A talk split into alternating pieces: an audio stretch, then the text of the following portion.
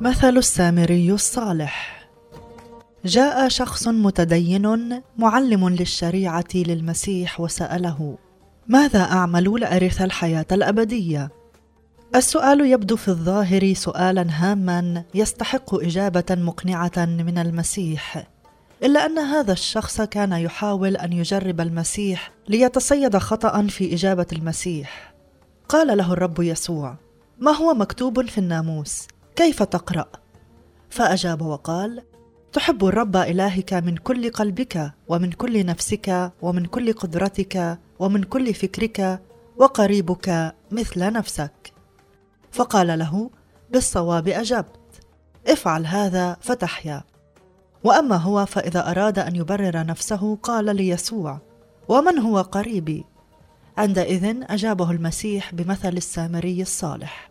كان هناك عداء شديد بين اليهود والسامريين فالسامريون هم خليط شعوب مختلفة أخذهم الآشريون وأسكنوهم في جزء من أرض إسرائيل بدلا من اليهود.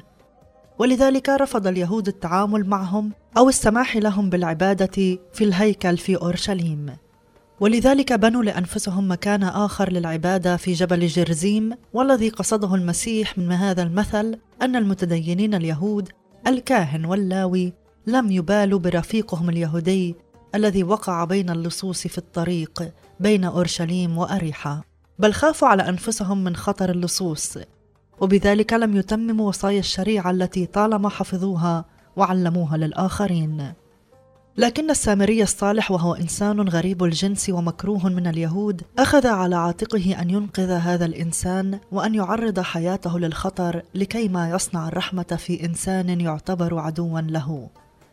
بل أكثر من هذا أنفق عليه واهتم به. والمسيح هنا أراد أن يعلم هذا الناموسي الذي جاء ليجربه درسا عمليا. أن الحياة مع الله ليست مجرد كلمات نرددها ومباحثات نتبارى فيها لكنها أسلوب حياة تعكس محبة الله للآخرين وتضحي لأجلهم.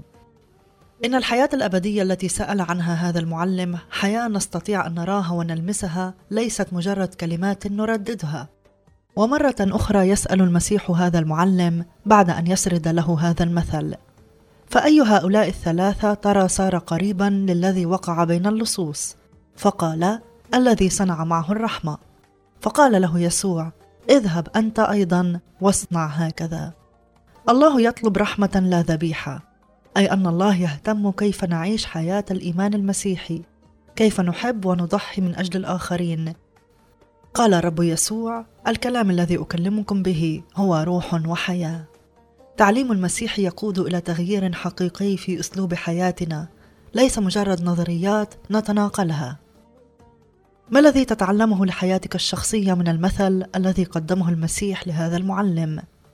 هل يمكنك أن تفعل مثل هذا السامري الصالح؟ هل يمكنك أن تصنع الخير مع الآخرين خاصة الذين يختلفون معك؟ أصلي أن تكون هذه الحلقة بركة لحياتك.